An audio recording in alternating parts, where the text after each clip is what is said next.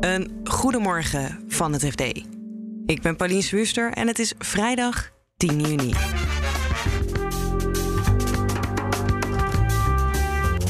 Gisteren maakte de Europese Centrale Bank bekend dat, zoals verwacht, de rente in juli omhoog gaat.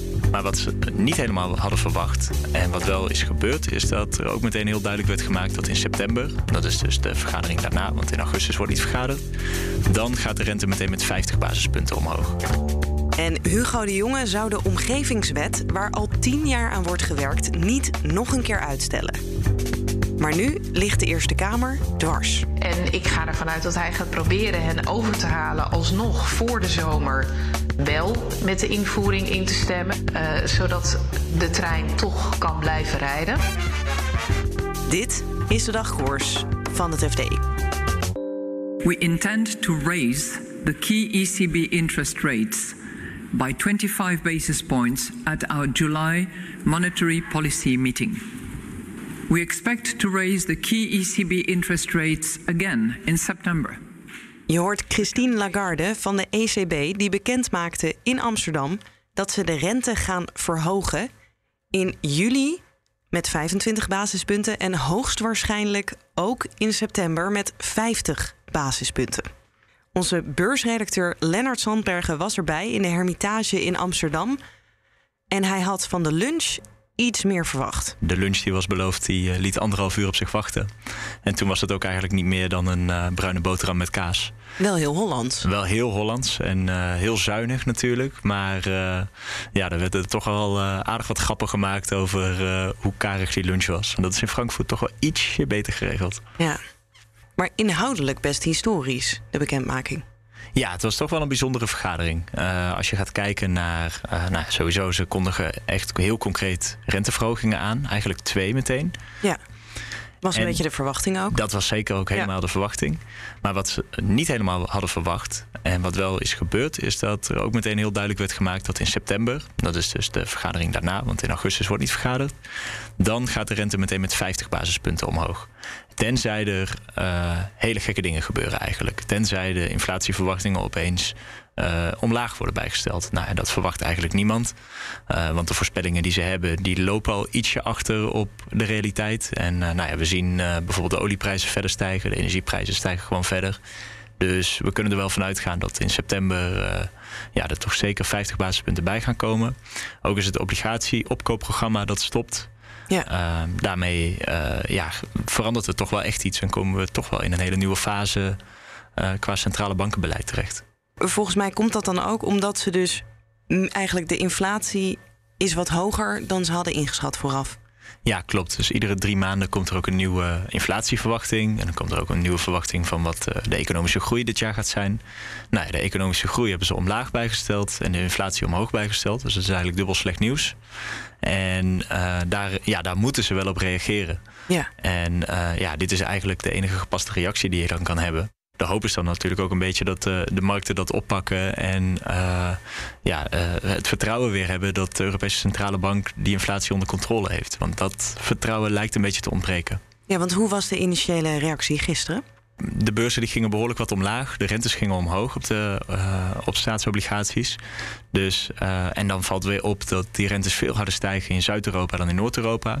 Uh, dus nou ja, praktisch gesproken, de Italiaanse rente die stijgt gewoon sneller dan de Nederlandse. Ja. Dus dat probleem, ja, dat lossen ze niet op. Terwijl, nou ja, dat was wel een onderwerp wat veel aan bod kwam in die, in die persconferentie.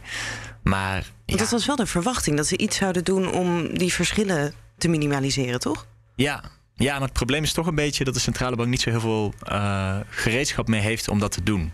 Ze suggereren zelf van wel. Um, maar uh, ja, vanwege de Europese verdragen kan je niet zomaar zeggen van nou ja, we gaan uh, Zuid-Europa helpen. Uh, of we gaan de rente drukken in Zuid-Europa, maar niet in Noord-Europa. Ja. nou, je kan wel de rentes gaan drukken, maar dan doe je dat in heel Europa. en dat kan niet echt als de inflatie zo hoog is. Nee. Want dan, ja, dan zorg je ervoor dat die alleen maar verder gaat stijgen. Ja. Zijn er dan angsten voor dat we dus eigenlijk inderdaad niet veel instrumenten meer hebben om de zwakkere broeders te helpen mochten er problemen ontstaan? Ja, dat zie je op de, centra of op de, op de financiële markten dus wel een beetje. Dus ja, die rentes zouden niet uh, uh, zo, zoveel harder stijgen in Zuid-Europa als dat uh, niet het probleem was. En is het dan nog spannend in juli, straks de volgende vergadering? Of weten we eigenlijk al hoe het gaat tot, tot na de zomervakantie? Ja, eigenlijk wel. Er worden niet heel veel nieuwe economische ramingen meer verwacht de komende maand.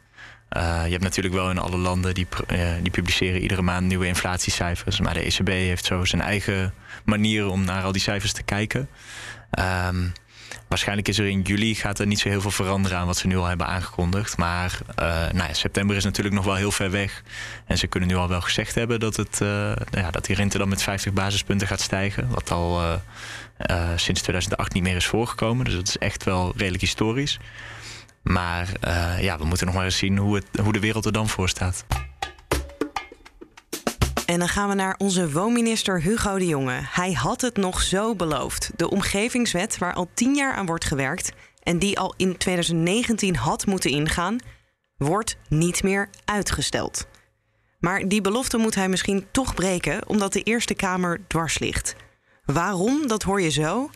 Eerst legt Martine Wolzak vanuit Den Haag uit waar die wet eigenlijk voor is. Nou, die regelt alles, is een beetje het idee. Een soort super mega wet voor uh, ruimtelijke ordening en leefomgeving, zoals dat heel deftig heet. Met eigenlijk gewoon alles wat je te maken heeft met ja, jouw buurt, jouw straat, waar je woont, je, je directe omgeving.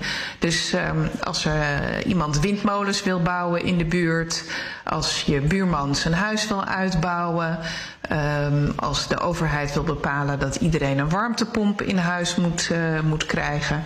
Ja, dat valt allemaal straks onder één grote wet, is het idee. Ja, en nou heeft Hugo de Jonge ook een grote ambitie om woningen uh, te bouwen. Als zo'n omgevingswet wordt uitgesteld heeft dat daar dan ook nog implicaties voor of, of ligt dat dan weer ergens anders? Nou ja, waar hij zelf voor waarschuwt is uh, vooral de onzekerheid over de ingangsdatum van de wet. En hij zegt, ja, als we nu niet duidelijkheid geven aan de provincies en gemeenten en nou, de projectontwikkelaars uh, dat die wet per 1 januari 23 ingaat, dan, dan zijn ze onzeker voor nieuwe projecten die ze willen opstarten. onder welke wettelijke regels die straks gaan vallen. Onder deze wet of nog onder het oude regime. En mogelijk zullen ze dan zeggen: Nou, dan gaan we nog eventjes de kat uit de boom kijken. en dan wachten we af totdat we er wel zekerheid over hebben. Ja, en de Eerste Kamer die lijkt nu dwars te liggen. Waarom? Wat zijn hun problemen? Nou, een van de redenen waarom, of eigenlijk de belangrijkste reden waarom de wet al voortdurend is uitgesteld, is uh, dat het is de digitalisering van het alle vergunningen die erbij horen bij uh, de ruimtelijke ordening en bij leefomgeving. En het idee was een beetje dat ja, als je een vergunning wil aanvragen, dat dat heel makkelijk van achter je computer kan en dat dat dan allemaal automatisch geregeld wordt. Dan een landelijk systeem wat gebouwd wordt, waar gemeenten dan allemaal apart op moeten gaan inpluggen. De ontwikkeling van dat systeem kampt met heel veel problemen. Heel veel vertraging, uitstel, de kosten lopen op. Um, er zijn al meerdere keren rapporten over verschenen dat het niet goed werkt. Onder andere van het adviescollege ICT-toetsing. Uh, en de Eerste Kamer heeft er gewoon niet voldoende vertrouwen in op dit moment dat het per 1 januari wel gaat werken. En zij willen eigenlijk een nieuwe toets. Ja, maar is het ook niet eigenlijk een beetje gek? Want in principe is de inhoudelijke behandeling van de wet al geweest. Het is alleen nog maar formeel instemmen met een nieuwe ingangsdatum. Maar nu lijkt het toch ook nou ja, inhoudelijk allerlei problemen te zijn en daar nog iets mee te moeten gebeuren. Ja, de, de, Eerste Kamer lijkt die ingangsdatum een beetje te gebruiken als een soort stok achter de deur. Om zeker te weten dat die, dat die uitvoeringsproblemen verholpen zijn. De, de Eerste Kamer twijfelde al ontzettend lang aan of het wel uitvoerbaar is en of dat digitale stelsel wel goed gaat werken. En juist daarom willen ze dus zeggenschap hebben over die invoeringsdatum. En dat kunnen gebruiken om te zeggen van jongens, pas nou op en zorg dat het eerst goed werkt. En als er dan zulke nadrukkelijke waarschuwingen liggen van organisaties die ingehuurd zijn om te toetsen of de ICT wel werkt, ja, dan worden senatoren wel een beetje huiverig. En die zeggen ook, hè, dan sprak een senator van GroenLinks, die zei van ja, wij zijn ook wel bang dat dat dan heel slecht is voor het vertrouwen in de overheid als het straks niet goed blijkt te werken. Ja. Eh, denkt Hugo de Jonge zelf eigenlijk nog steeds dat hij deze belofte niet hoeft te breken? Nou, hij gaat uh, uh, nog deze maand om tafel met de senatoren. En ik ga ervan uit dat hij gaat proberen hen over te halen alsnog voor de zomer wel met de invoering in te stemmen per 1 januari 2023. Uh, zodat de trein toch kan blijven rijden. Ja, dan zouden ze, als de jongens ze weten overtuigen, alsnog een datum kunnen prikken voor het zomerreces. Het kan ook zijn dat de senatoren hun uh, poot stijf houden, zoals dat dan heet, en toch eerst een uh, nieuw rapport willen hebben. En dan gaat het allemaal toch wat langer duren.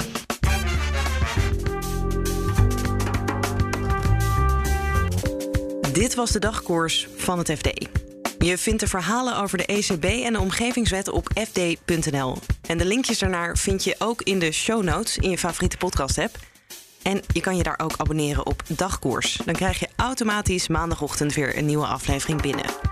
Alvast een heel fijn weekend en tot maandag.